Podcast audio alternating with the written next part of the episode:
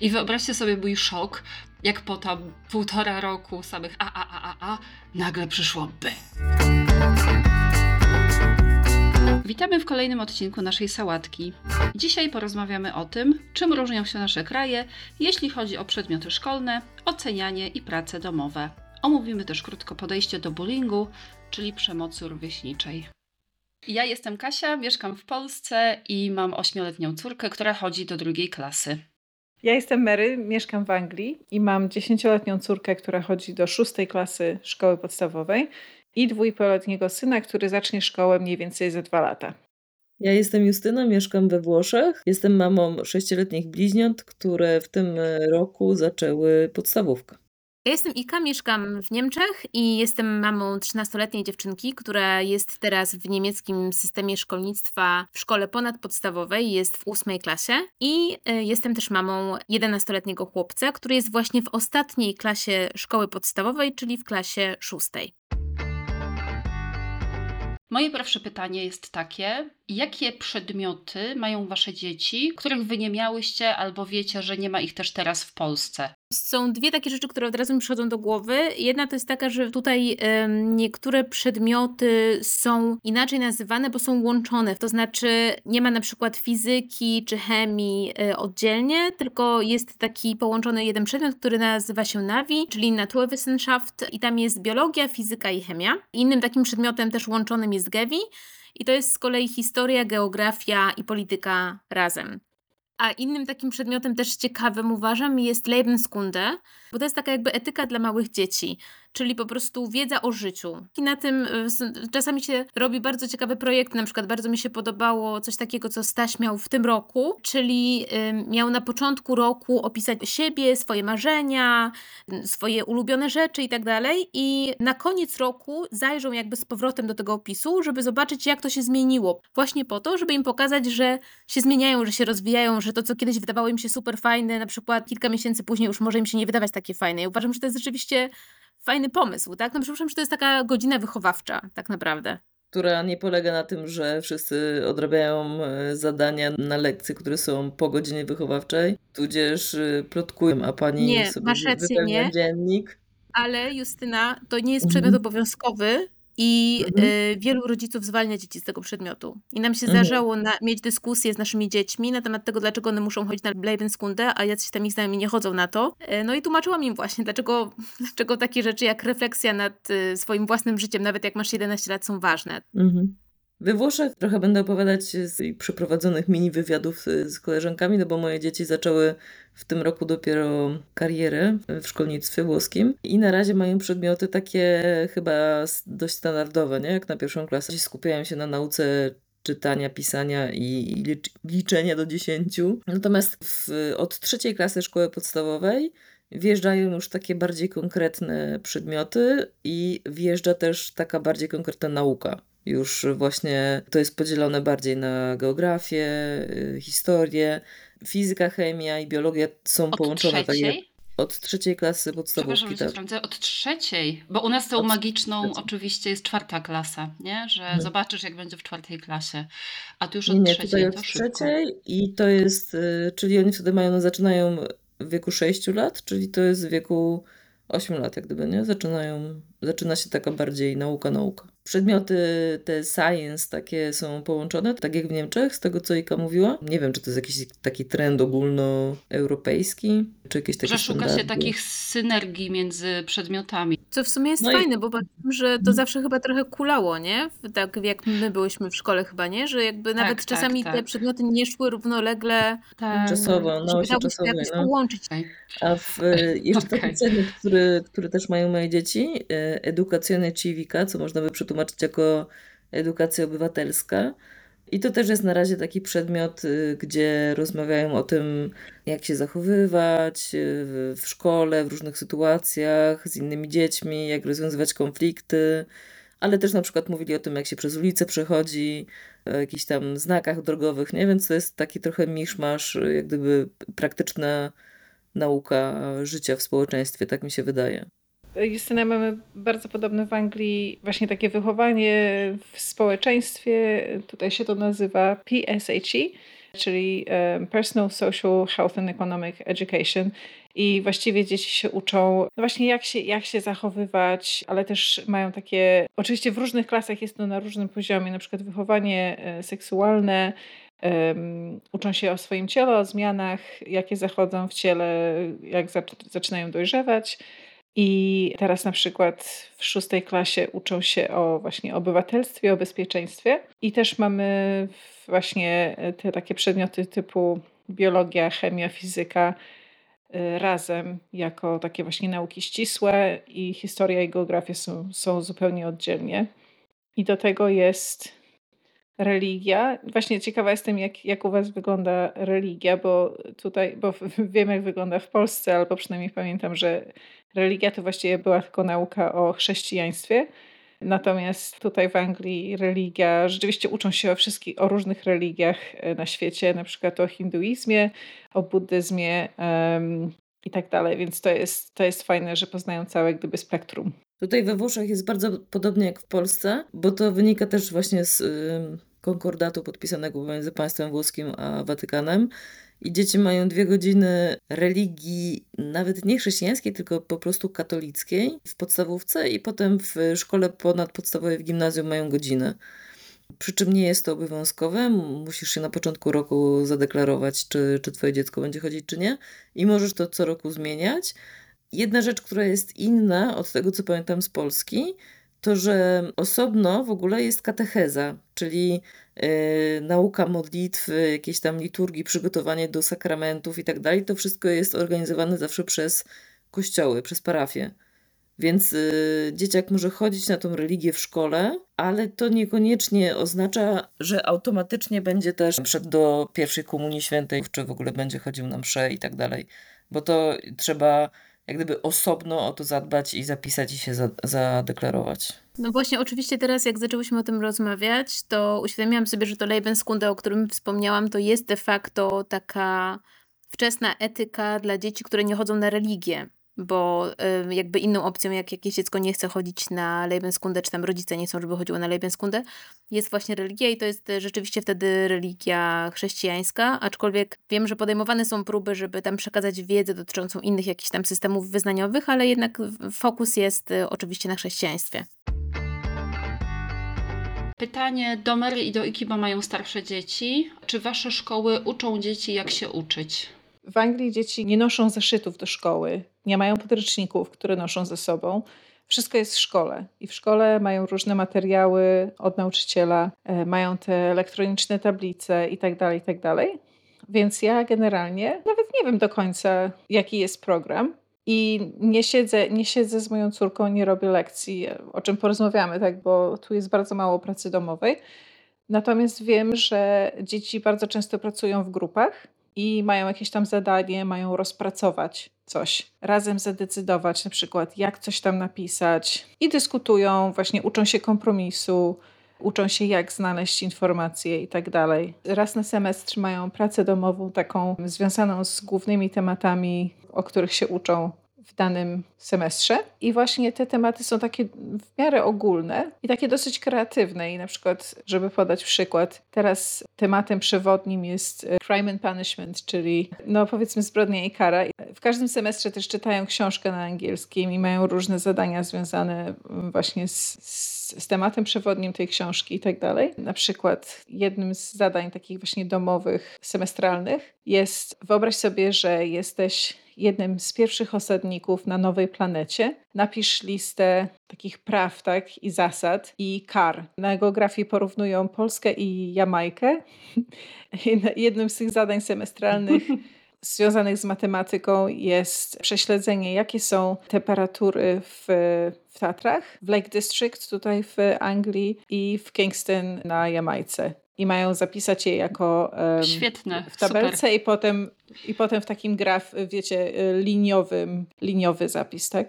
A na przykład na historii tematem tej semestralnej pracy domowej jest stworzenie e, biografii znanej osoby, która jest jak gdyby w jakiś sposób po, połączona z, z tematem, czyli na przykład jest Robin Hood albo jakiś wybrany przez, przez dzieci, wybrana przez dzieci postać. mogą wybrać, w jaki sposób chcą zaprezentować te informacje, czy jako film, jako animację, czy jako plakat, rysunki, komiks, wywiad i tak dalej. Okej, okay, czyli to wymaga jakiegoś niesztampowego myślenia jednak, bo, bo, chodzi mi o to, żeby to jakby nawiązać, że to jest, czy to jest, czy to uczy myślenia, czy to uczy uczenia się, no to zakładam, że są to, y, że to wymaga kreatywności, że to nie jest spisanie czegoś z Wikipedii, czy zrżnięcie z jakiegoś bryka, że to jest coś, co uczy myśleć i jest fajne, okej. Okay. A ja teraz Tyle. znowu zadam przewrotne pytanie, Bery, a na ile robią to rzeczywiście dzieci, a nie rodzice im to robią? To, żeby ci odpowiedzieć krótko, Ika, jasne, ja, wiesz, ja mam pełną świadomość, że bardzo często rodzice e, siedzą razem z dziećmi nad tymi pracami domowymi i bardziej lub mniej się przykładają. My jako rodzice przestaliśmy w tym momencie.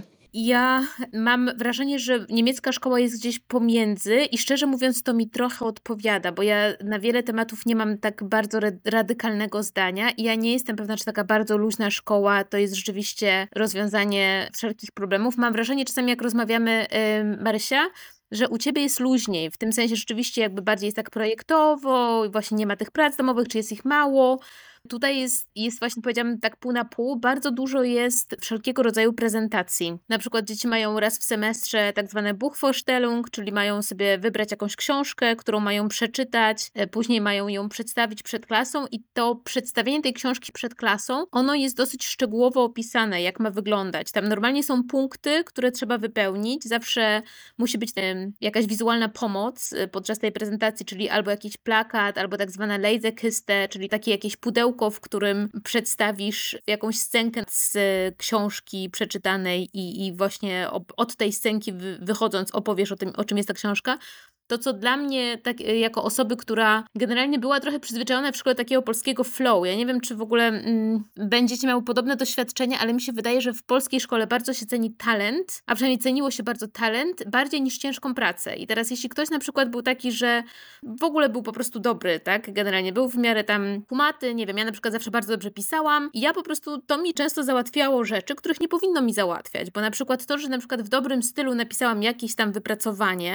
dawało mi dobrą ocenę, mimo że to wypracowanie nie spełniało wszystkich wymogów, które były na początku wyszczególnione. Na przykład były trzy punkty, ponieważ ja tam, nie wiem, nie przeczytałam do końca polecenia, mój esej tam wypełniał dwa z tych punktów, ale był świetnie napisany, więc generalnie dostawałam i tak piątkę z niego.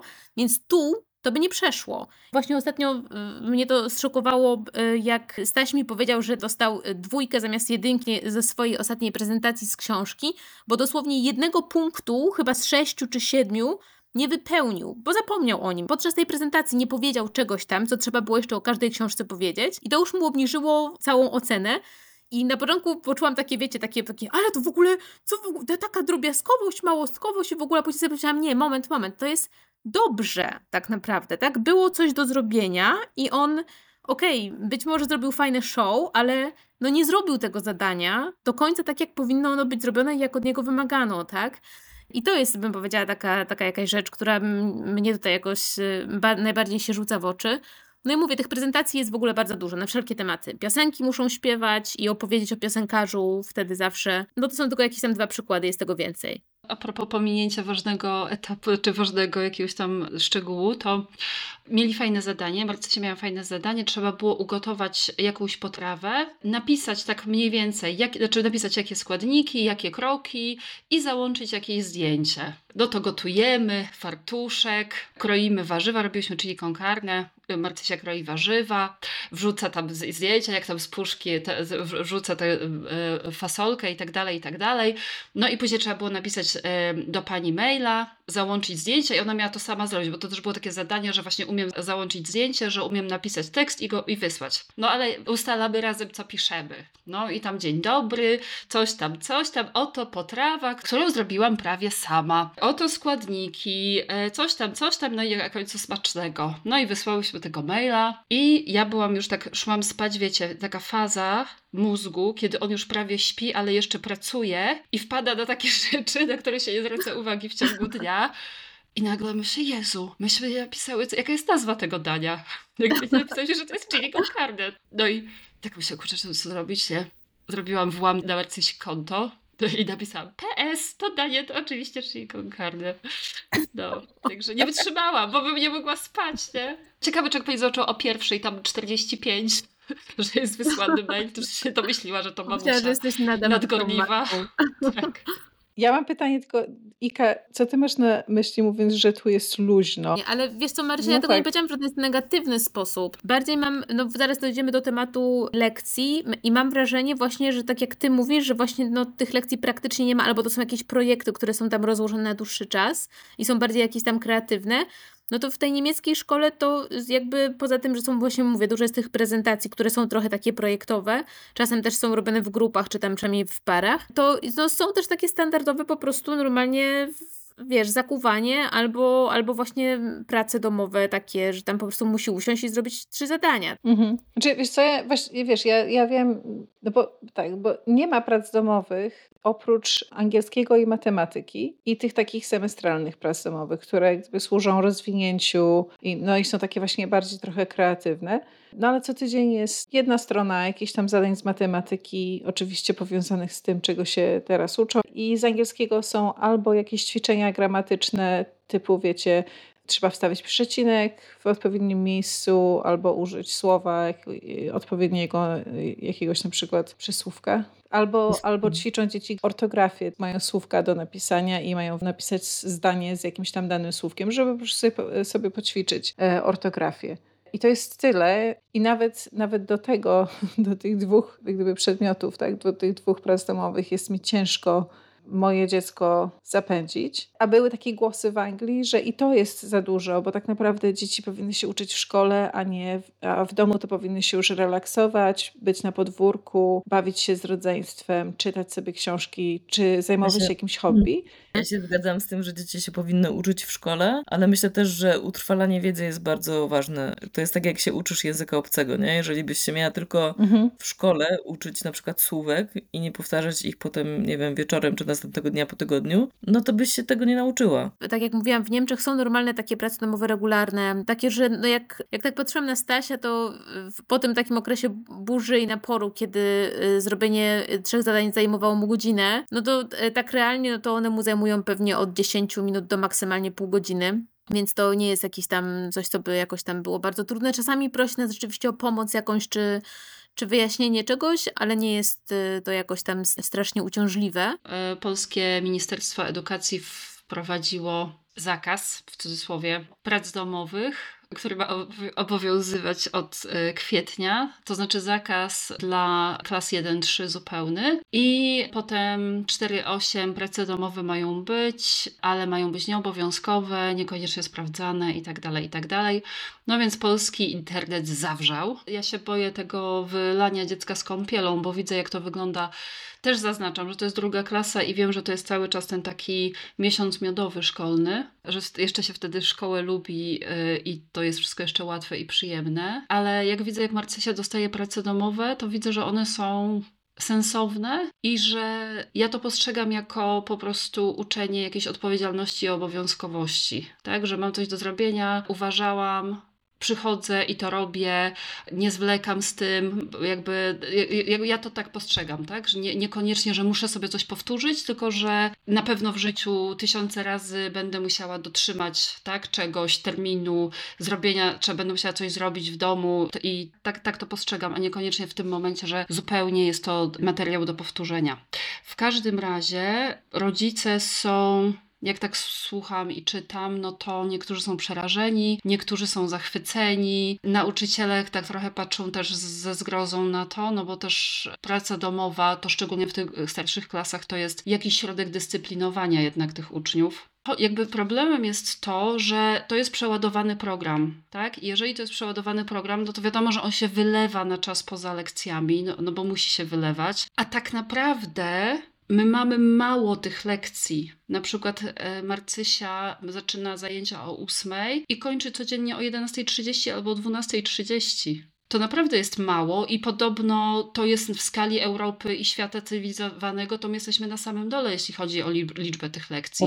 Więc gdyby, gdyby tych lekcji były, gdyby lekcje były do godziny 14.30 codziennie, no to ja rozumiem, tak przynajmniej w tym wieku, no to ja rozumiem, że może być luźniej i że robimy tak dużo na lekcji, że zupełnie nic nie musimy przynosić do domu, ewentualnie tak jak mówiłam, coś, żeby uczyło nas samodyscypliny. Natomiast jak są cztery lekcje dziennie, w tym plastyka i WF, E, no to to nie jest jakiś ogrom pracy zrealizowany. Więc jakby to Ministerstwo Edukacji, to jest też ciekawe, że od kwietnia chcą ciąć te prace domowe, a dopiero od września będzie nowy program, który będzie okrojony. Ale to yy, no, zdziwiłaś no mnie tymi godzinami, bo mm. tutaj na przykład dzieci już od pierwszej klasy chodzą od 8 rano do 15.30 poza piątkiem, kiedy wychodzą o 13.30. E, z tym, że w tych wszystkich godzinach rano jest 20-minutowa przerwa w pewnym momencie, potem jest godzinna przerwa na lunch, w sensie jedzą obiad y, wszyscy razem i potem wychodzą, z reguły wychodzą na, na boisko.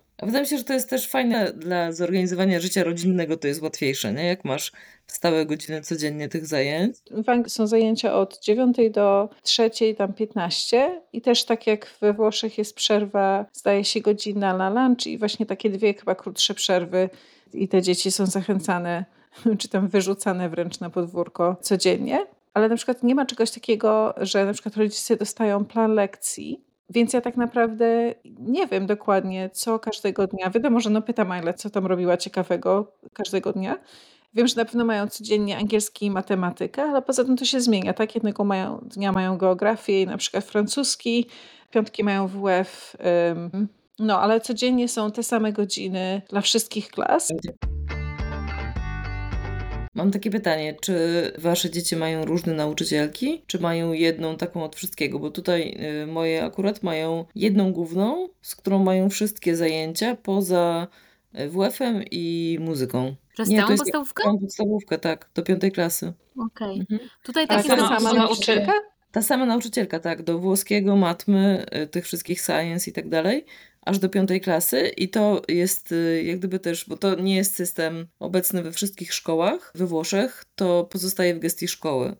I w tej szkole, do której oni chodzą, to było tak trochę nawet reklamowane jako taki plus, polegający na tym, że nauczycielka oczywiście realizuje program, ale nie ma takich sztywnych ram, nie? Nie ma tak, że na przykład jak tam dzieci się rozbuchają w jakimś temacie, na przykład na włoskim, to nie ma tak, że dzwoni dzwonek, buch, zamykamy książki, przychodzi inna pani od matmy, otwieramy, robimy zadania, tylko na przykład oni mogą przez, nie wiem, dwa czy trzy dni kontynuować i zgłębiać ten temat z włoskim, czy tam łączyć go z historią, geografią i tak dalej, a potem na przykład w przyszłym tygodniu zająć się bardziej matematyką, nie? Więc to... A mnie to brzmi mega przekonująco, szczerze mówiąc. No, no mi też się to właśnie bardzo fajne wydało. To w Anglii jest tak, że każdy rocznik ma swoją taką główną nauczycielkę prowadzącą i one się rzeczywiście zmieniają co roku. I do tego chyba są takie dodatkowe nauczycielki. Na przykład wiem, że klasy są dzielone, jeśli chodzi na przykład o matematykę. Wydaje mi się, że jest tak, że są dwie grupy. Jedna, która jak gdyby szybciej łapie i druga, która potrzebuje jak gdyby więcej pracy z tą matematyką. W związku z tym są wtedy dwie nauczycielki. I oczywiście WF jest osobny nauczyciel, ale to chyba tyle. I są takie nauczycielki pomocnicze, które pracują właśnie z dziećmi, które potrzebują no, dodatkowej, dodatkowej pomocy. Tutaj tak nie jest, to znaczy jest tak na samym początku, yy, przez yy, te pierwsze klasy jest jedna nauczycielka i tu jest w ogóle taki fajny system, że jakby klasa pierwsza i druga, to też pewnie nie jest tak w każdej szkole, tak na pewno było w naszej szkole, klasa pierwsza i druga są niejako łączone i jest taki system, buddy system, że yy, jakby każdy pierwszak dostaje swojego drugoroczniaka i wszystkie te zajęcia jakby nadal się odbywały, czy tam przynajmniej duża część tych zajęć odbywała się nadal wspólnie i oni sobie mieli jakby nawzajem pomagać. Znaczy wiadomo, że ten drugoklasista zajmował się tym pierwszoklasistą, ale jakby właśnie no, te dwie pierwsze klasy były cały czas jakoś tam łączone, nie? I dopiero od trzeciej klasy zaczęło się jakoś tam poważnie i od trzeciej klasy też zostały wprowadzone oceny, ale pamiętam, że to było jakby podgłosowanie rodziców poddane, czy te oceny mają się w ogóle pojawić, czy nie. Oceny, słuchajcie, jak są, jakie są oceny? Nie ma ocen. Przynajmniej w podstawówce nie ma ocen. Na koniec roku dostaje się raport, na którym jest napisane, że na przykład z tych głównych przedmiotów dziecko spełnia jedno z czterech wymagań i tam jest, wiecie, najniższe, że, że ma, no, ma braki i trzeba jeszcze popracować, coś w rodzaju spełnia wymagania. No wiecie, wiecie o co chodzi. Są cztery jak gdyby takie poziomy, tak? Najwyższy jest, No, że ale ten- dziecko nie tylko spełnia, spełnia wymagania programowe i nauczyło się wszystkiego, czego powinno się nauczyć w tym roku, ale jeszcze, jeszcze jak gdyby wyżej, tak? Świetnie sobie radzi z niektórych No przedmiotów. okej, ale i jakby ten trzeci ten, y, do, dostajesz ten raport jakby na koniec semestru? Dostajesz Nie, na ten raport koniec na koniec semestru? We Włoszech też nie ma, w podstawówce nie ma ocen, takich numerycznych czy tam y, alfabetycznych. Są oceny opisowe, ale tak naprawdę zamykają się z reguły w jednym czy dwóch słowach. Więc tak, ja szczerze mówiąc nie widzę różnicy pomiędzy tym, że nie wiem, pani mi napisze zaawansowana, czy że postawi tam piątkę. Nie? No ja to z zgadzam się z tobą, no bo w sumie to wynikami jest trochę tak jak w polskim systemie, wiesz, możesz dostać piątkę albo możesz mieć bardzo dobry, nie? No i No. jeśli tak wygląda opisowa ocena, no to właściwie to też jest opisowa. Ale, ale właśnie chciałabym powiedzieć, że w Polsce takie są urocze próby walki z ocenozą i jedną z nich jest to, co jest w mojej szkole, że jest skala ocen nie od 1 do 6, tylko od A do F. Znaczy w sensie odwrotnie, nie? Czyli A to jest dobrze, a F jest się, że F to fatalnie, nie? E, No tak, ale to jest to jest to amerykański samo. system, tak? No ale to jest znowu to samo, nie? No, No. Ale to jest to samo, że to jest to Mhm. samo, jak się, No jak się z chorym na ocenozę, a mi się wydaje, że ja jestem jakby od tam 40 lat, nie może 35, że po prostu widzę tą ocenę, dostaję ją w, no, na komórkę jakby, w czasie rzeczywistym widzę tą ocenę i wyobraźcie sobie mój szok, jak po tam półtora roku samych a, a, a, a, a, nagle przyszło B. Dlaczego nie? W ogóle nie, niemożliwe. Nie, Moje dziecko, jak nie. Z muzyki. I wszystko jasne. Nie, Ale tutaj generalnie jest, bo jest tak próbują... Chciałam No. powiedzieć, że to, że rodzice mogą teraz in real time widzieć oceny i czasami się dowiadują o nich wcześniej niż w ogóle uczniów, to To jest ja straszne. jestem przeciwna temu. To jest straszne. To w ogóle uważam, że zabiera No. tym dzieciom, deresponsabilizuje je, zabiera im część takiego dzieciństwa, nastolenstwa, nastolactwa, Mm. takiego kombinowania, kurczę, nawet takiego, wiecie, kurczę, dostałem złą ocenę, muszę powiedzieć rodzicom, Odpowiedzialności, część odpowiedzialności ale też takiego, wiesz, psychicznego i mentalnego też przygotowania się na Gotowości, komunika- tak, tak, komunikowanie różnych złych, rzeczy. e, No. e, złych jakichś tam wiadomości, otrzymywanie feedbacku, czyli jak gdyby, wiecie, krzyczących rodziców, nie, którzy coś tam robią. Tak. Słuchajcie, Mhm. ale to ja chciałam powiedzieć, że w Niemczech tak nie jest, ponieważ jak to Niemcy mówią, wir sind hier nicht so weit. Tutaj jakby nie ma żadnych systemów, które y, wysyłają oceny rodzicom. Tutaj jest jakby cały No czas tak, wszystko to- przynajmniej w naszych, w tych szkołach, które ja znam, bo nie słyszałam nigdy, y, żeby Może k- Ika, któryś, wiesz, może Niemcy, może Niemcy wysyłają te oceny faksem, tylko po Może wysyłają je faksem, tak, może albo pocztą tradycyjną i tak.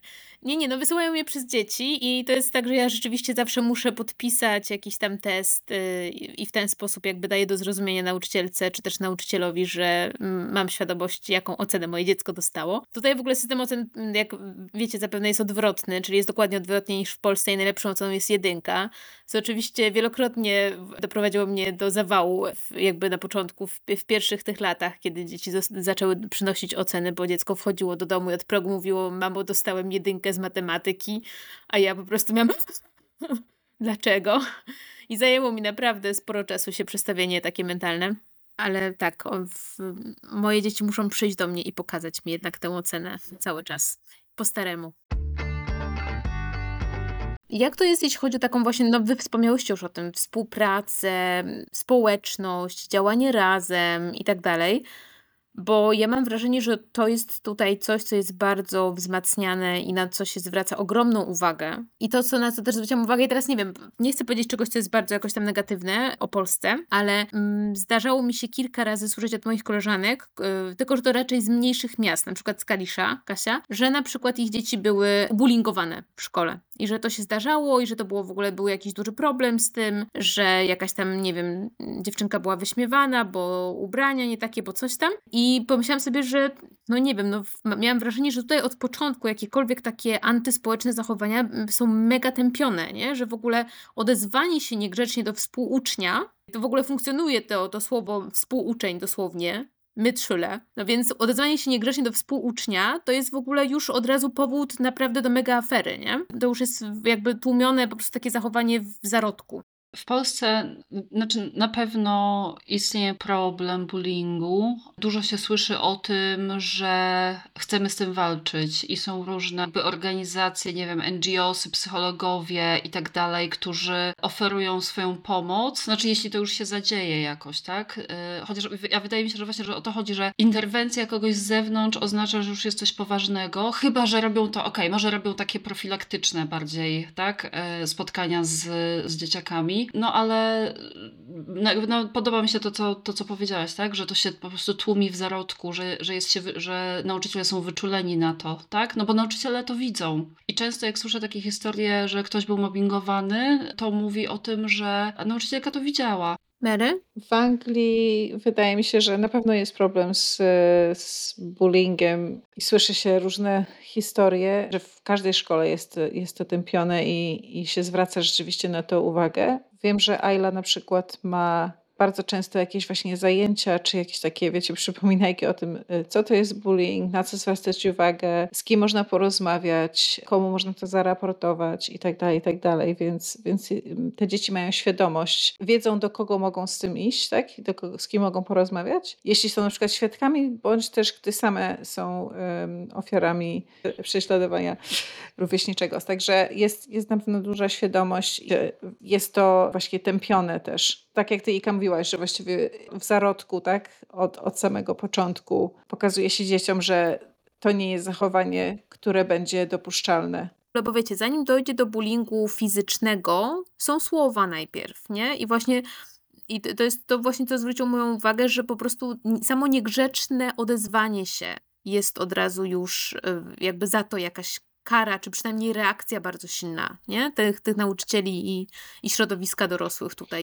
Pytam właśnie, czy jest nacisk na to, żeby dzieci ze sobą rozmawiały grzecznie, tak mówiąc y, krótko i na temat. Tak, i, i, wydaje mi się, że też dąży się do tego, że bardzo często się dzieci przesadza, że mają innego e, partnera, z którym regularnie współpracują, i to też ma na celu, myślę, takie przygotowanie ich do interakcji z różnymi, tak, z różnymi osobami. Nie ma czegoś takiego, że dziecko ma, wiecie, przyjaciela w klasie i tylko z tym przyjacielem siedzi w ławce cały rok, tylko jest tym, jak gdyby... A poza tym to też służy, mhm. wtrącę ci się, to też służy temu, że dzieci, które sobie lepiej radzą, mogą trochę pomóc tym, które sobie gorzej radzą, nie? że mhm. nie tworzą się takie tak. enklawy, tak. że te wzorowe, piątkowe uczennice z pierwszej ławki i jakiś tam tył mhm. leserów i dzieci mających kłopoty. Nie? Na pewno jest duży nacisk na, tak, na takie ogólne właśnie dobre zachowanie, pomaganie sobie. Jest na przykład taka jedna z nauczycielek, która powiedzmy coś, coś w stylu szkolnego pedagoga,